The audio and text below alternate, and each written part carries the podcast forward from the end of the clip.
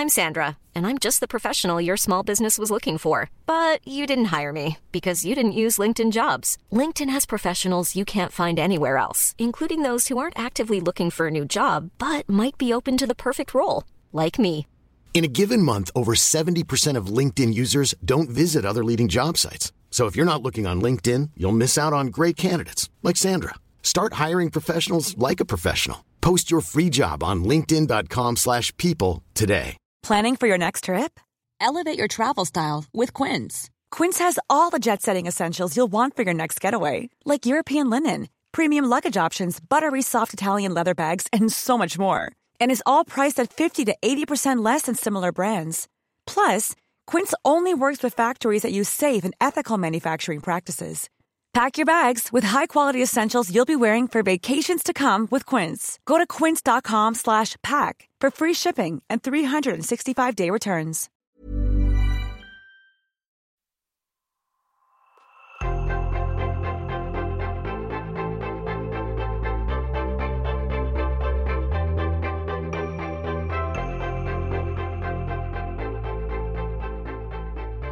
Vad roligt Tommy att du vill komma hit och käka en lunch med mig.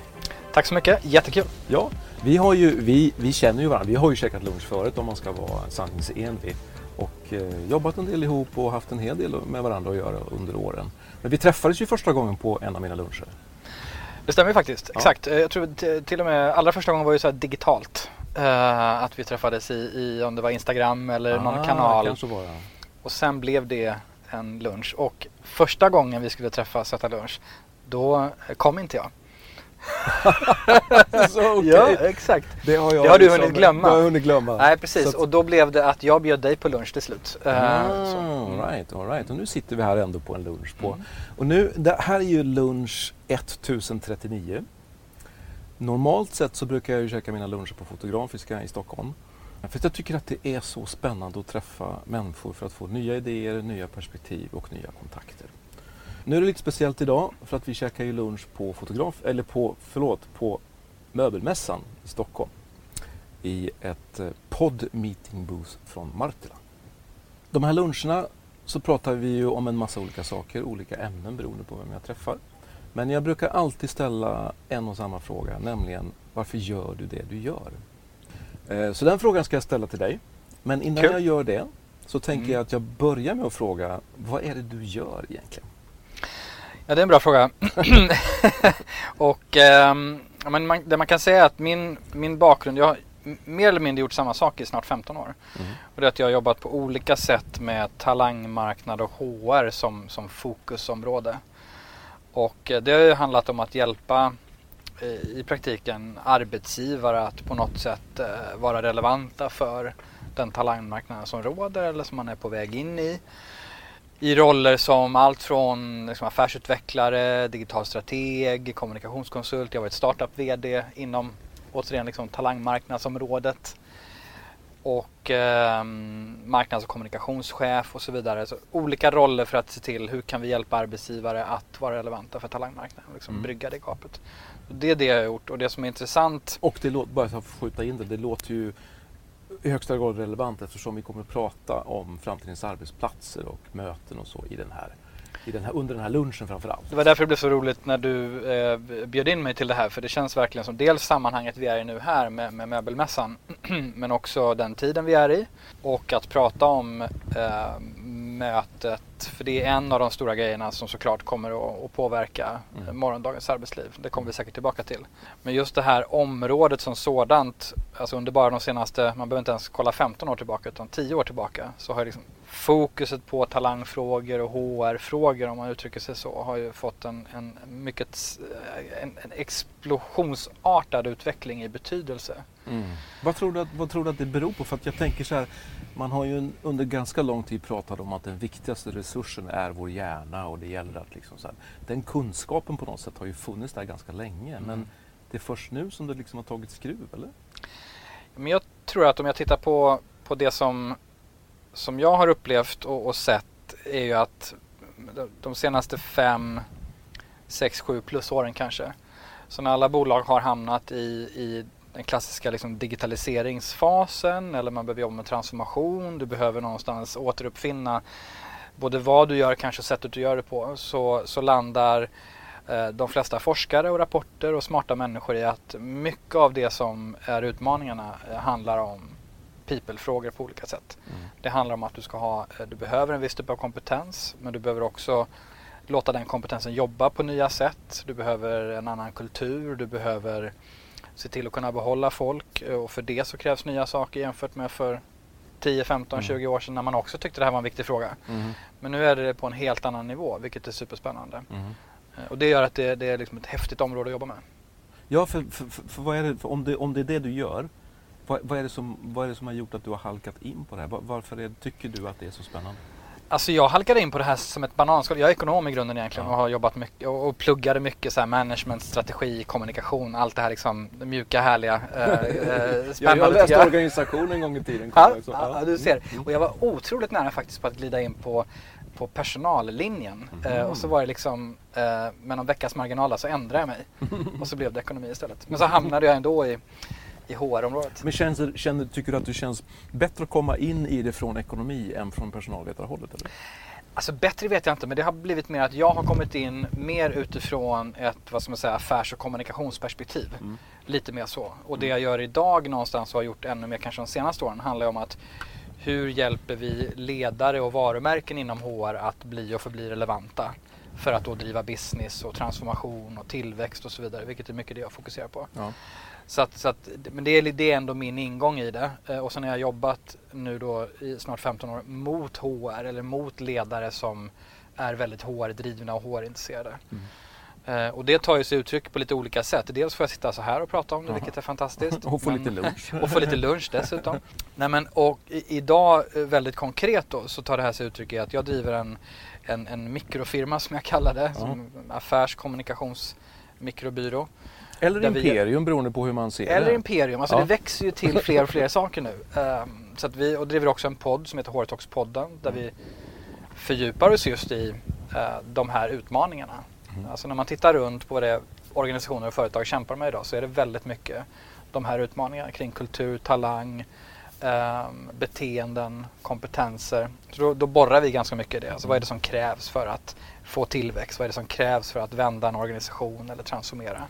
En spaning från mitt håll som inte egentligen alls eh, är inne i HR men är att när du tar upp det här med att du kommer från ekonom och inte från personalvetarhållet känns också som att de här frågorna har blivit mycket mer kopplade till ekonomi nu än vad de var tidigare därför att man ser en, en ja, här får du rätta mig om jag har fel, men det känns som att man ser en mycket tydligare koppling mellan att personalen och medarbetaren faktiskt mår väldigt bra och ett ekonomiskt resultat och ett ekonomiskt utfall. Tydligare kanske än vad man gjorde tidigare. Absolut. Och eh, jag tror att en av dina gäster tidigare här i veckan, Niklas, Niklas Delmar var säkert inne en del på det också. Men, men om man, om man eh, jag tror krasst så handlar det om att personal och ekonomi har alltid hållit ihop men jag tror att nyckeltalen man tittar på nu är några andra. Mm. Nu är det mer hur personalfrågorna driver prestation, driver innovation, driver ett par av de här nya eh, resultaten som du behöver uppnå. Och man tittar inte bara på det utifrån en så sjuktalskostnad och Nej. kost per hire och alla de här grejerna, personalomsättning och så. Och det är återigen, tittar man på ett bolag som vill växa snabbt och bygga en organisation som pallar det eller tittar du på en organisation som eh, vill möta en viss talangmålgrupp som till exempel är otroligt svår att, att rekrytera. Mm. Och då behöver du kanske titta på att ja, men då kanske det handlar om att du behöver hitta dig en strategi för gigekonomin. Mm. Så att du attraherar den här poolen som i mycket mindre utsträckning vill vara anställd. Då blir det liksom helt plötsligt en affärsstrategifråga. För att mm. får du inte in kompetenserna som ska bygga morgondagens affär då, då får du svårt. Och just mm. nu kan man säga, vilket också gör det väldigt spännande att jobba i det här området, det är att just nu ska allt och alla ha exakt samma kompetenser. Så mm. ICA konkurrerar med eh, mm. Goldman Sachs och McKinsey och Klarna. För många ska ha liknande kompetenser. Vad beror det på? Det beror på att många eh, sitter och eh, försöker anpassa sig till den omvärld som vi nu lever i, den mm. marknad vi lever i. Där man behöver mer tech-talang, du behöver mer kreativ talang. Mm. Du behöver eh, också personer som kanske har en annan eh, kompetensmix, inte bara i liksom hardcore vad ska man säga, mer tekniska eh, kompetenser som att du kan koda eller du är grym på att jobba i Excel eller vad det nu kan vara. Mm. Utan du behöver, ha, eh, du behöver vara en viss typ av person, du behöver ha ett beteende, en inställning, du behöver överleva och thrive i, i osäkerhet. Och, Mm. eh, Du behöver vara liksom ständigt, det som du står väldigt mycket för, dina luncher står för, du behöver vara ständigt lärande. Mm. Så det är mycket det som jag brukar tänka på pratade om det i någon tidigare podd där också, liksom super, som superskills eller liksom Exakt så. mänskliga färdigheter. Absolut så. Mm. Det är ju det om man tittar vad morgondagens arbetsliv kommer handla om så är det liksom ett par, tycker jag, huvud Eh, pusselbitar eller dominerande saker. Där det ena är ju precis det du tar upp nu. Ja, ja, men låt oss dyka lite i det då för att du kommer ju i princip, kanske inte just idag, men under de här dagarna, under den här veckan så har det ju varit en, om nu får du rätta mig om jag har fel, Workspace Workspace Sweden, ja. Precis. Workspace ja. Sweden, en, Ja. en eh, stor konferens, två dagars konferens om framtidens arbetsplatser och talanger som du har lett, varit redaktör för och modererat och så. Så att du sitter ju inne på en massa spännande trendspaning därifrån såklart.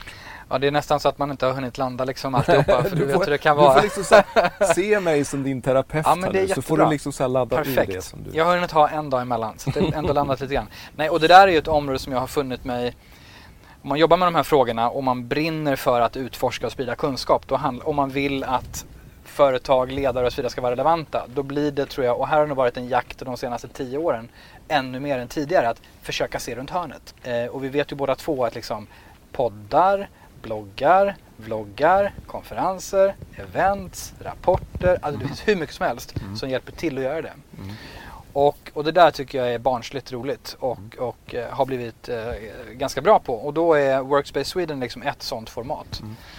Löftet med Workspace Sweden som har varit här på mässan i två dagar. Det är att man kan kliva in där och möta morgondagens arbetsplats. Det är, så att säga, det, är det som är syftet med ehm, konferensen. Och då menar jag kanske inte i fysisk att man liksom ska, Nej, ska nej. kunna klämma och känna på allting. Men liksom Nej. du, ska, du ska få bilden. Inte riktigt som man kan göra här då på möbelmässan. Nej, här är mycket mer såklart eh, handgripligt Mm. och finns såklart en del utbyte däremellan.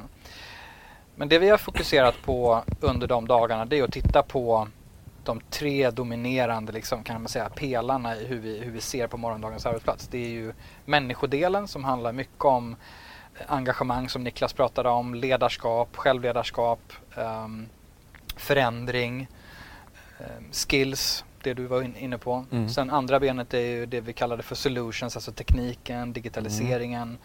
Allt från att se hur kan pulsmätningar, som liksom ersätter de årliga medarbetarundersökningarna, driva beteendeförändringar som i sin tur driver Mm. morgondagens organisation. Eh, till eh, fastighetsteknik. Hur hjälper det till att skapa De mer konkreta Ja, men verktygen. på mycket mer sätt. konkreta, Mm. ja. Också arbetsverktygen som vi flyttar in mer och mer i telefonerna. Och det tredje är Space då, den mer fysiska gestaltningen av vad är morgondagens arbetsplats. Mm. Och inom alla de här områdena så finns det, finns det oerhört mycket saker som, som händer. Och ehm, vi har fått förmånen också att lyssna på fem olika case ehm, som har varit igenom stora case som ICA till exempel som har liksom gjort om, flyttat in i 40 000 kvadratmeter och liksom byggt morgondagens arbetsplats redan idag. Mm. Superspännande. Eh, Det man kan säga som jag tar med mig från de här dagarna med respekt för att jag inte har landat alltihopa då. men Om du nu är min terapeut så du får får vi... liksom, ja, men, ja, du vet, med terapeuter kan man, så här, man kan sitta och provprata lite Ja, så här, och testa Ja. lite. Ja, men så det är här, så att, låt, se det mer så. Om jag ska provprata kring några saker så handlar det väldigt många spår kommer tillbaka till eh, kultur, ledarskap, förändringsförmåga som liksom, röda trådar. Att vi behöver, för, för någonstans tror jag det är viktigt här nu, för att backa bandet lite, som jag tycker är, otroligt viktigt att komma tillbaka till hela tiden. För det blir lätt att man hamnar i ganska häftiga trendspaningar när man pratar om framtidens Mm. både talanger och, och arbetsplats och arbetsmarknad. Och finns en risk att gestaltningen också blir liksom med hyfsat hög ballfaktor och kanske Jaha. inte så förankrad i verkligheten. Lite sci-fi helt enkelt. Lite sci-fi, ja. Eh, och jag tror att allt måste komma tillbaka till ja, vad är det organisationerna då ska klara av att göra imorgon? Mm. Och det har varit utgångspunkten även i, i Workspace. Det är här, vad är det för affärsutmaningar eh, och omvärldskrav och press som våra organisationer måste palla att leva upp till? Så, om det så är från affären eller det är från talangmarknaden eller om det är från den lite mer allmänna omvärlden. Och jag tror att just nu så har nog de flesta företag och organisationer aldrig mött ett större tryck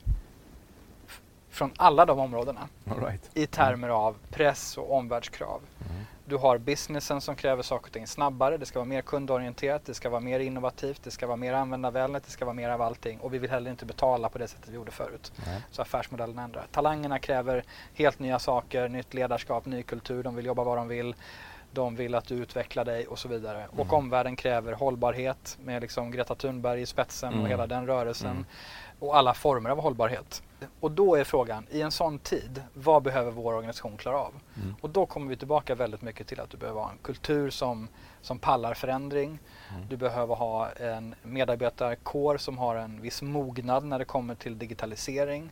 Du behöver, och lärande inte minst, liksom hela tiden utsätta sig själv för, för lärande. Och du behöver ha mm, såklart ett ledarskap som också kan möjliggöra det här. Alltså, det är några av de grejerna. Om vi ska, om vi ska Ja. zooma ut lite i helikoptern och titta ner så är det några saker som verkligen kommer tillbaka. Och lite faktiskt mindre snack om tekniken. Hur tycker du att, eh, om vi nu tittar på företag då, eftersom ändå är näringslivet kanske som är högsta fokus här i alla fall utifrån mitt perspektiv. Mm. Ehm, hur klarar sig företagen i det här då? Ja, precis. Det finns flera svar på den frågan. Jag tycker att ehm, det finns väldigt mycket utrymme till förbättring. så, så kan man säga om man är lite snäll. Ja. Vissa av de här delarna är betydligt mer enkla att lösa. Mm. Alltså det är mycket enklare att lösa en teknikfråga. Eh, Det är mycket enklare att bygga om kontoret och göra att det blir allt vad man, det finns lite olika arbetsplats, liksom modeller och metoder men aktivitetsbaserat eller flexkontor eller och du, du blåser ut all inredning och gör det lite mer fräscht och, och, och, och tilltalande och on-brand och så vidare. Mm. Det är, det är tämligen lätt. Mm. Eh, och, Och, och det kan man ju se sker i ganska hög utsträckning också. absolut, Mm. verkligen. Mm. Och, och det sker ju av olika eh, skäl. Det kan vara ekonomiska, det kan vara att avtal går ut, det kan vara att man liksom gör en relaunch av sin kultur och sitt varumärke. All, vad, vad det nu än kan vara. Mm. Men, men det på den delen som handlar om att ge medarbetarna förutsättningarna för att göra det man ska göra. Mm. Där finns det ganska mycket brister. Mm. Och vad jag menar med det, det är samma sak egentligen. Att om det här är våra utmaningar, vad är det våra talanger eller medarbetare, vad man nu väljer för uttryck, faktiskt ska leverera? Mm. Och, och där, du började prata om, om eh, hjärnan. Mm. Och det, och det är precis där vi befinner oss nu. Jag driver en ganska, ganska eh, krass och, och tydlig tes och några med mig om att det som spelar roll i, i, i morgondagens arbetsliv det är det vi kallar för state of mind at work. Alltså hur är din förmåga att hantera allting som händer och vad har du för verktyg för att se till att du hela tiden kan leverera maximal brain power? Mm. Because om vi tittar ett par år fram, det finns ingen som kommer vara intresserad av så mycket annat i termer av vad det är du ska leverera. Mm. Alla vi som jobbar ska, vi ska åstadkomma någonting, vi ska leverera in någonting, vi ska produ- producera någonting. Mm.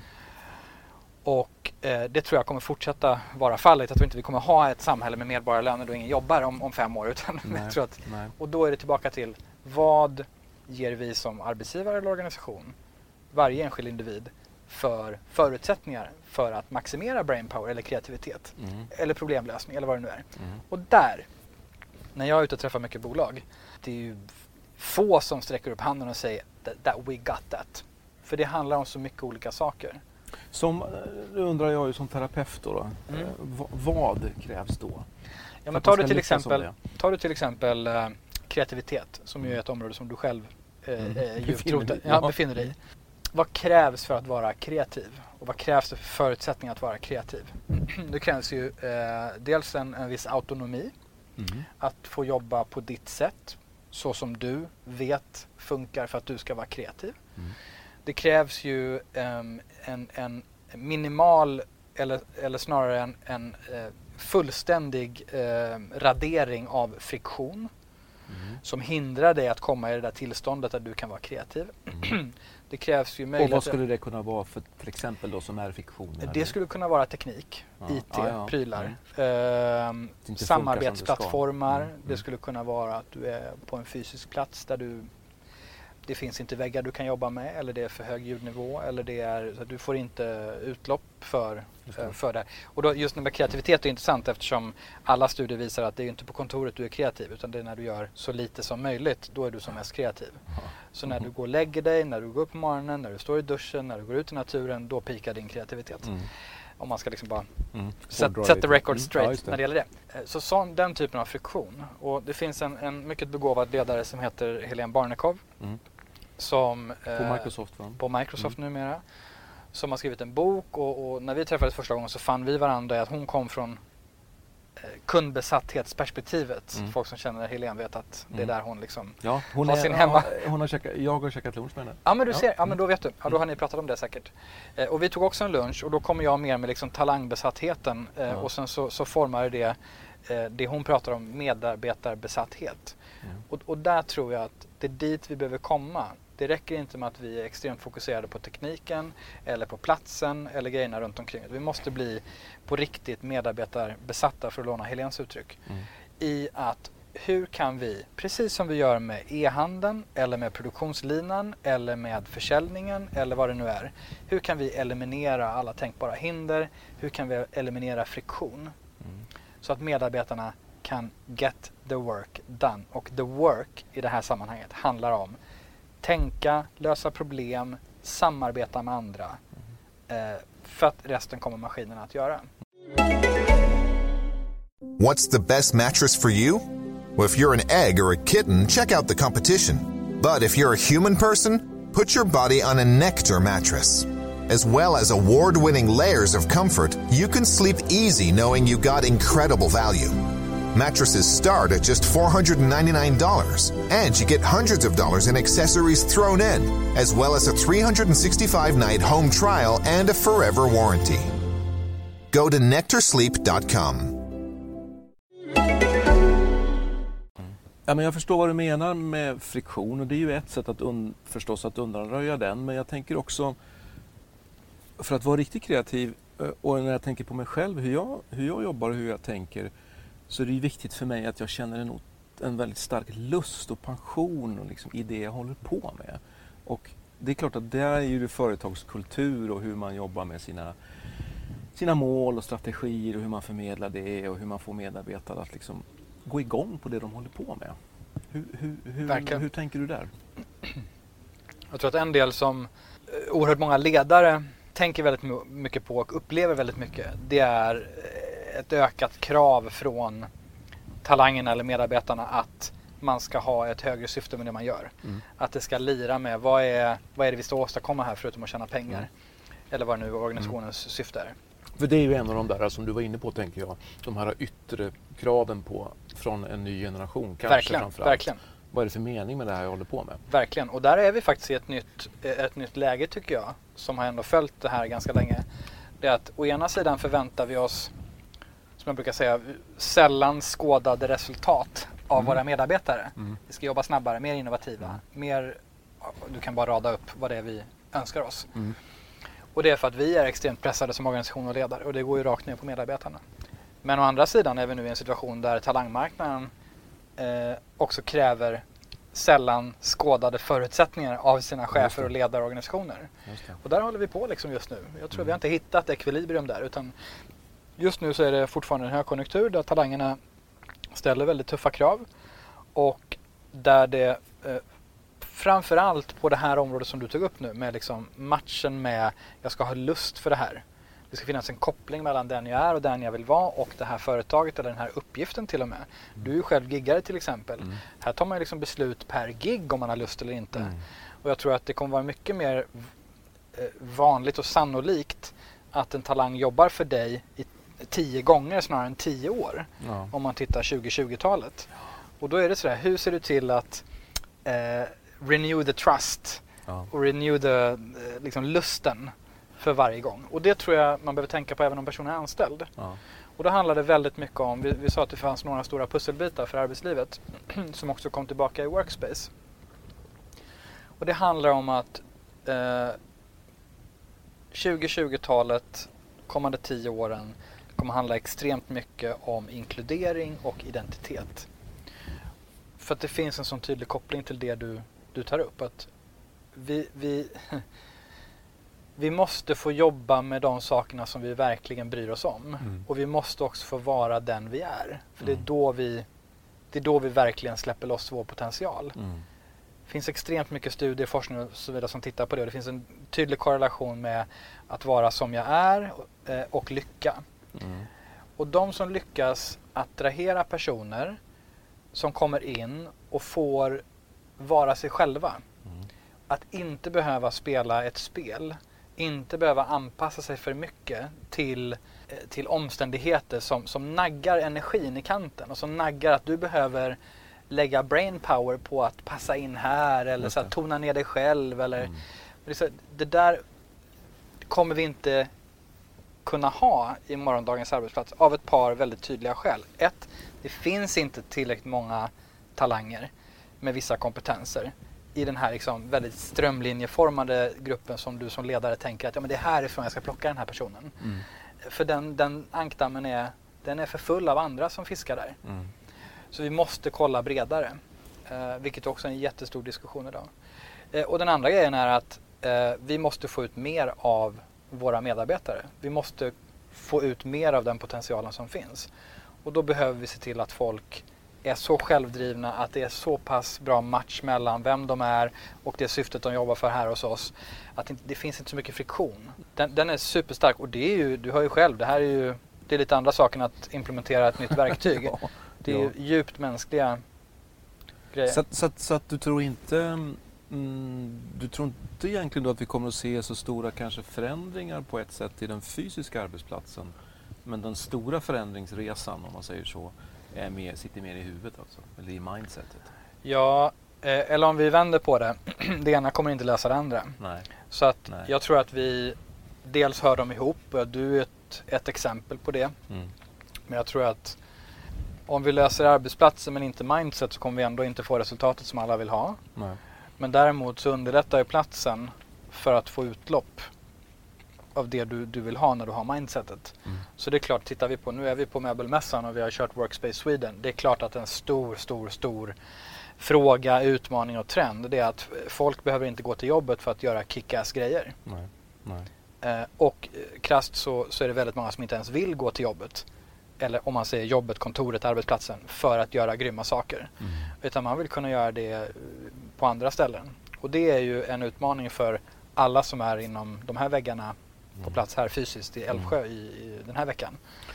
Hur, hur möter vi det? Hur, hur ser vi till att vår teknik lirar så att du kan jobba på många ställen Mm. samtidigt? Hur ser vi till att det finns ett ledarskap som tycker det är okej och, och kanske snarare säger you go for it. Mm. Eh, Ja, hyllar det. Ja, för jag tänker vi är ju, du och jag är ju, är ju, är ju lika på det sättet att vi, vi har ju våra egna företag, vi gör vår egen, våran egen grej på något sätt. Så att, för det är ju också en utmaning i det här, tänker jag, att en arbetsplats och en arbetsgivare måste attrahera eh, personal, att det ska vara tillräckligt spännande. För att både du och jag bygger ju upp våra egna världar. Du pratade om ett litet mikroföretag, men man kan också prata om ett blivande imperium. Alltså man vet ju Absolut. inte var det slutar någonstans på något sätt. I så, så att man är ju också väldigt ehm, bortskämd på ett sätt i den att man kan verkligen göra det man själv går igång på. Jag kan sätta mig var jag vill någonstans. Jag kan sitta på ett hotell, jag kan sitta på Fotografiska, jag kan sitta i en sån här på en mässa och liksom jobba. Det är ju ganska svårt att möta det från eh, en arbetsgivare också. Det är klart att man Oerhört har behov av trygghet och liksom tillhörighet men man ser ju det som du och jag gör ökar ju mer och mer. Tveklöst och, och vi nämnde det för en stund sedan att det, det här är en, en utveckling som det är väldigt få företag än så länge om man pratar av lite mer traditionell eller, större karaktär som har hittat en lösning på. Mm. Eh, som har lyckats anpassa sig, sig till. Eh, Finns det några bland de du har jobbat med eller jobbar med, finns det några som du tycker att de här har verkligen lyckats? eh, det finns exempel där man i, i bolagen testar sig fram Mm. och ehm, det ska väl nämnas att, att det blir vanligare.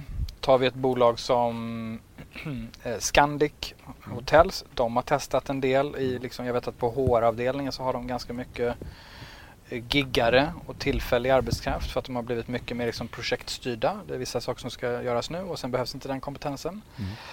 Mm, Apollo-gruppen, eh, samma sak där. Där får man välja kontrakt eller, eller konsultkontrakt eller anställningskontrakt. Mm.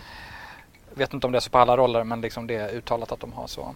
Jag vet att Telia pilottestar en del kopplat till det här och har ganska tydliga visioner om vad gigekonomin kommer innebära för möjligheter och utmaningar för dem som organisation. Mm. Och väldigt mycket är det här möjlighetsdrivet. Eh, dels är det klart en, ett eh, krasst ett hot att om tillräckligt många talanger i den här kompetensgruppen inte vill vara anställda utan de vill gigga eller på något sätt eh, vara mer löst anknutna. Då, då behöver man anpassa sig till det tids nog. Mm. Eh, Men det är också väldigt möjlighetsorienterat i att du helt plötsligt kan strukturera din organisation på ett annat sätt. Du kan bli mycket mer spot on kring att det är liksom vissa saker som ska genomföras och då har du liksom mer trimmade organisationer utifrån att det är vissa saker som ska genomföras. Så kan du släppa den kompetensen sen.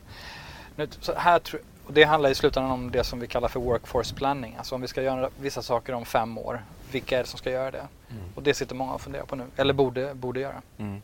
Tror du att vi kommer att se, eller det kanske är en, en, en lite ledande fråga, men jag, jag tror ju, och jag antar att du också tror att vi kommer se mer av eh, nätverksorganisationer där man jobbar ihop i specifika projekt eller där man inte är anställd på ett traditionellt sätt. Eller? Absolut, Mm. absolut. Av den, av den enkla anledningen att, att ska du ha tag, eller av ett par enkla skäl, men ska du ha tag i de bästa talangerna eller de med de bästa kompetenserna för olika saker så kommer du behöva öppna den kranen. Mm. Eh, för att du får inte tag på dem annars. Mm. Det är det ena. Och det andra är, om man ska vara krass, många organisationer vill ha en hög flexibilitet Mm. idag. De, de vill, även om det kommer eh, med en kostnad, så vill de också ha flexibiliteten att kunna skruva upp och ner ganska snabbt. Med liksom hur mycket medarbetare man har och hur mycket har man i olika delar och så, vilka olika kompetensgrupper och så vidare. Mm. Så att, eh, jag tror att det absolut kommer bli så. Eh, och då behöver man börja anpassa sig och kanske pilota det lite grann i olika delar av organisationen. Du, du har ju nämnt några gånger och varit inne lite på gigekonomin och att vara giggare. Det här att man liksom tar tillfälliga uppdrag och att man är sin egen. Eh, kan vi inte prata lite mer om det? Därför att jag tycker det är, jag tycker det är intressant. För du är där, jag är där. Mm. Eh, hur, hur man tänker när man, när man är där på något sätt. Hur, hur, hur, hur tänker du som giggare? en Ja, väldigt bred fråga men... Min, min, eh, min historik är att jag har ju varit egen i en tidigare fas Ja. i, i, i livet. Och sen så blev jag startup-entreprenör tillsammans med ett gäng andra och sen blev jag anställd och sen så blev jag eh, anställd igen och sen hoppade jag av det. Mm, du har Så verkligen jag gjort sådär- allt alltså? Nej, men jag har sådana testat lite olika format och Ja. då kan jag säga när jag hoppade av min förra arbetsgivare där jag var ehm, under en väldigt intensiv period så, så gick det ganska snabbt när jag hoppade av och då bestämde jag mig för att nej men vet du vad, jag giggar lite. Jag går in och frilansar. Eh, eller till och med interimar operativt. Mhm. Och så blev det liksom att man helt sögs in i liksom de här operativa interimsrollerna. Så att du, det blev kanske inte så mycket giggande Nej.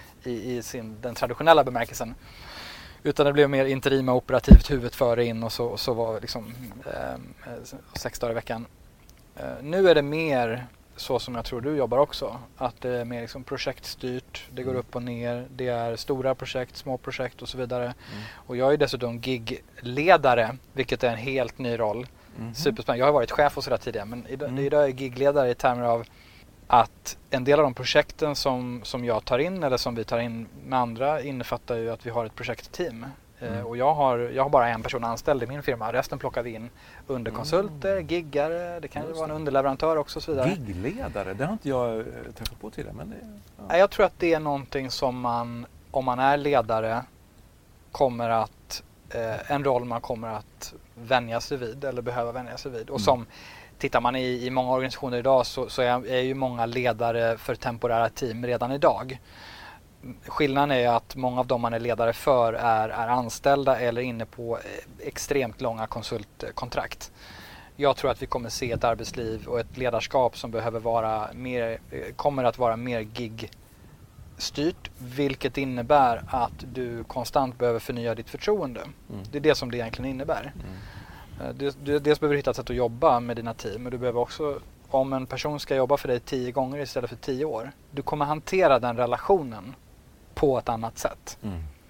Än om du vet att den här snubben eller gumman kommer sitta här i tio år. Just Det, det, det blir en annan dynamik. Jag, har ju en, jag tänker på din bakgrund att du har varit i lite olika roller och haft olika typer av anställningar och drivit eget och sådär. Eh, Jag kommer ju från en en väldigt lång anställning. Jag har ju varit anställd i princip hela mitt liv. Just det. Och jag fick vara med och uppleva när du hoppade av och så gick över i giglivet. Jag Ja. kommer ihåg det. Det var ja, ett stort Och- steg. Mm. Ja, det var ett stort steg därför att jag startade eget eh, och så nu har jag drivit eget i fem år. Och när jag drog igång eh, eh, min egna verksamhet så var jag ju väldigt, kommer jag ihåg, väldigt upptagen vid att tänka som man tänker på företag.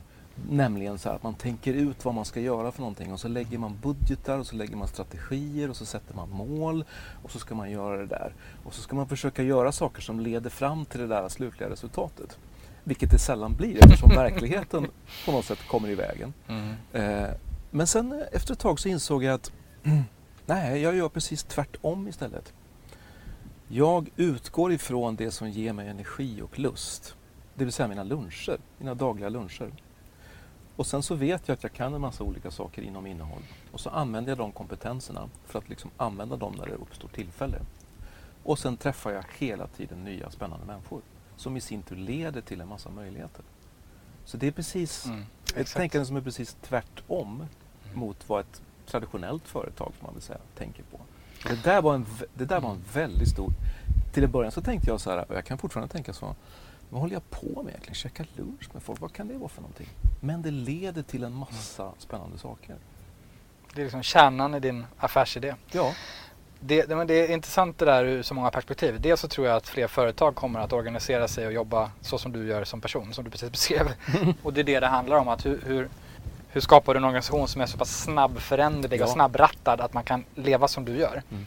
Det är en reflektion och det andra är att det är så himla rätt. Det är precis det här som så många andra talanger också inser att man faktiskt kan göra. Mm. Att, att liksom styra sitt liv. Du, du har egentligen tagit ansvar och tagit ägarskap. Mm. Eh, Och ta ansvar för din situation och det du är bra på och hur du, hur du kan jobba med det. Och det där, ja, alltså det, det är en av mina främsta råd till eh, ledare, eh, talanger, medarbetare generellt, människor. Det är att bli entreprenör. Att, att någon gång vara företagare, vara giggare. För det är en sån otrolig resa och utbildning i dig själv, verkligen. i din personliga utveckling. Mm.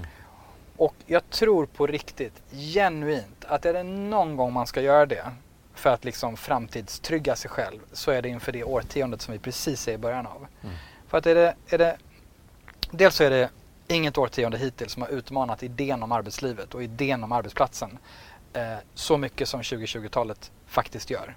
Det, that's a fact. För det är så många saker som sker samtidigt nu.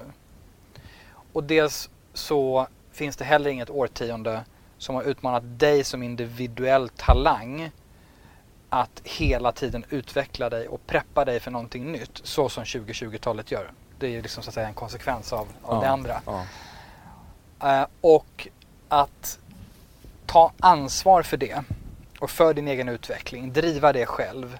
Se till att du reskillar dig, upskillar dig, att du blir eh, eh, anlitningsbar eller anställningsbar och så vidare. Det finns ingen tid tror jag som det har varit viktigare att göra det än nu. Och då tror jag att som företagare eller giggare eller entreprenör, du får en sån sjuk skola i det. Mm. För det är ju som du säkert tänker, lägger jag orden i munnen på dig, kan intyga. det är ju ingen dans på rosor Nej. att vara entreprenör Nej. eller giggare eller frilans, vad man nu använder för uttryck. och du, du får lära dig så mycket i att liksom saker att hantera. Ja. Eh, och at the end of the day, vilket är det spännande då, it's on you. Det är ditt ansvar. Och du är inte bara ansvarig för hur din fritid är eller hur det är mellan 8 till 5. You're responsible 24-7. Mm. Och att få det i knät, det är en käftsmäll när du väl inser det. Mm. Och har du bara haft ett yrkesliv som har gått ut på att du är anställd så är det vissa komponenter av det, eh, det där ansvaret som du faktiskt inte har, har behövt uppleva. Nej. Eh, och det är nyttigt. Sen behöver man inte fortsätta vara Nej, det, det där är... Det, det är Eller vad- vad säger ja, du? Ja, men jag tycker det är jättespännande det du säger därför att jag har inte riktigt tänkt på det på det sättet men det, men det, det är ju självklart så. Entreprenörskap är en crash course i personlig utveckling. Verkligen. om man på något sätt struntar i hur det går ekonomiskt. Det, det har inte med saken att göra. Eller det är klart man måste tjäna pengar så att man överlever. Men om man ser det på det sättet så är det verkligen så. För du, må, du tvingas verkligen ta ansvar för hela dig själv. Det finns inte någon annan som gör fel utan det är bara du som... Precis så. Och du behöver ha en annan relation till också de runt omkring dig. Mm. Alltså vi har ju jättemycket diskussioner hemma hos mig kring liksom, eh, satsningar som vi gör. Alltså vad betyder det för privatekonomiska Mm. Ja, för du har ju risker? fru och ett Ja, förlåt. litet Ja, barn. precis. Exakt. Ja. Yes. Jag är ju Jag, småbarnsåren. jag har ju kommit förbi det där. Exakt, ja fine, ja, precis, exakt. Och det, det, och, och det ska man ju vara uppmärksam på också, liksom, vilken livsfas är jag i? Hur behöver jag synka liksom, mitt företagar eller gigliv med? Men, och jag har ju massvis med folk runt omkring mig, det kanske man dras till varandra, men, men som har hoppat av traditionella karriärer, blivit giggare och så vidare för att få loss frihet eller vad det nu är. Eller hoppat av och byggt stora bolag eller så. Eh, utifrån personlig utveckling så, så, är, så får du såklart olika saker om du bestämmer dig för att hoppa av och bygga liksom ett stort bolag än om du går av och liksom giggar och ska hitta någon form av brödfödeförsörjning. Det är klart det är olika typer av personlig utveckling men båda ger dig nevertheless mycket personlig utveckling. Verkligen alltså. Jag tycker det har, jag tänker jättemycket på det. Och det är ju en ständig resa på ett sätt. Så att, att eh, om man nu, som jag tänker, min affärsidé är ju att utgå ifrån från lusten och från energin. Var får jag min lust och var får jag min energi ifrån? Därför att man är ganska van, och man, även om man har levt ett tag så känner man inte alltid sig själv. Man är så van att göra någonting för att man har gjort det. Men tycker Ja. jag verkligen att det är roligt? Nej. Och så börjar man upptäcka och så börjar man doppa tån i nya saker. Mm. Det är superspännande. Och när det händer, det är då du börjar eh, kanske ändra din inställning till arbete. Det är då du börjar fundera på, ska jag göra det här eller ska jag göra något annat? Och när det händer hos dig, då får det liksom konsekvenser för det som är runt omkring dig. Mm. Men när det händer med en halv miljon människor, eller med en hel generation som kommer ut på arbetsmarknaden.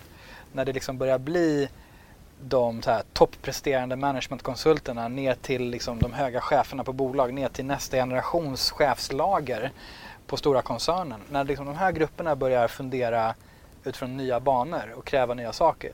Det, det, det är då vi behöver som arbetsgivare möta det på riktigt. Mm. Och det är precis det här som du genomgår nu och som du berättar. Det är precis det som sker Mm. i den bredare gruppen. Sen är det ju inte, alltså sen är det fortfarande långt ifrån alla som kommer ta de besluten som du har gjort. Mm. Eller som jag har gjort. Men bara att de här grejerna börjar komma upp. Eh, startar andra samtal, ställer andra krav. Och inte minst äter folks energi. För när du börjar fundera på de här grejerna. Och börjar ifrågasätta dina val och så vidare. Börjar fundera på allt annat som finns att göra. Då äter det energi Mm. eh, som gör att du inte kanske presterar på max. Och det du har gjort, det är så att du har ju som så här, se till att det du gör är det du liksom tycker om och hela din affärsidé bygger på lust. Mm. Ja, men det är svårt att inte prestera då. Mm. Mm. Verkligen. Eh, och generellt vill människor vara personer som presterar. Så vad, du, så vad du säger här är att det kommer att... eh, Så här. Bered oss på en stor förändring helt enkelt. Både individuellt och i, i företag och inne på, på arbetsplatser. Ja, Det kommer att hända saker. ja, och de föder varandra just nu Mm. och kommer göra så under ett x antal år. Mm. Eh, både utifrån möjligheter och hotbilder Mm. så, så liksom trycks det här mot varandra. Tack för ett väldigt spännande samtal. Ja, tack själv. Ska vi dricka lite kaffe? Det ska vi absolut. Ja, det gör vi. tycker jag. Tack ska du ha. Tack så mycket. Ja, Ja.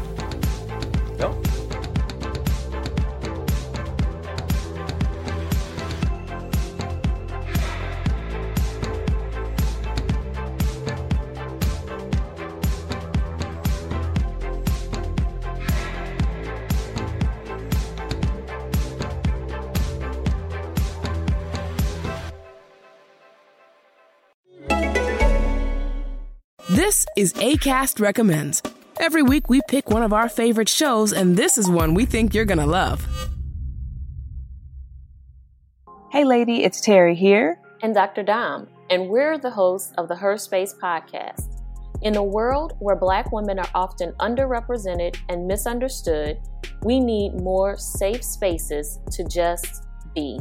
Every Friday, join us as we initiate authentic conversations for Black women. Be sure to tune into season 4, episode 11, The Four Levels of Friendship and How to Spot Fake Friends. And check out Her Space wherever you listen to podcasts. ACAST is home to the biggest podcasts from the U.S. and around the world. Subscribe to this show and hundreds more now via ACAST or wherever you get your podcasts.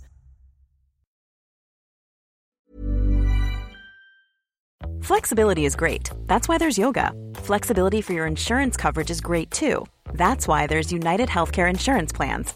Underwritten by Golden Rule Insurance Company, United Healthcare Insurance Plans offer flexible, budget friendly coverage for medical, vision, dental, and more. One of these plans may be right for you if you're, say, between jobs, coming off your parents' plan, turning a side hustle into a full hustle, or even missed open enrollment. Want more flexibility? Find out more about United Healthcare Insurance Plans at uh1.com. Mom deserves the best, and there's no better place to shop for Mother's Day than Whole Foods Market. They're your destination for unbeatable savings, from premium gifts to show-stopping flowers and irresistible desserts. Start by saving 33% with Prime on all body care and candles. Then get a 15-stem bunch of tulips for just $9.99 each with Prime. Round out Mom's menu with festive rosé, irresistible berry chantilly cake, and more special treats. Come celebrate Mother's Day at Whole Foods Market.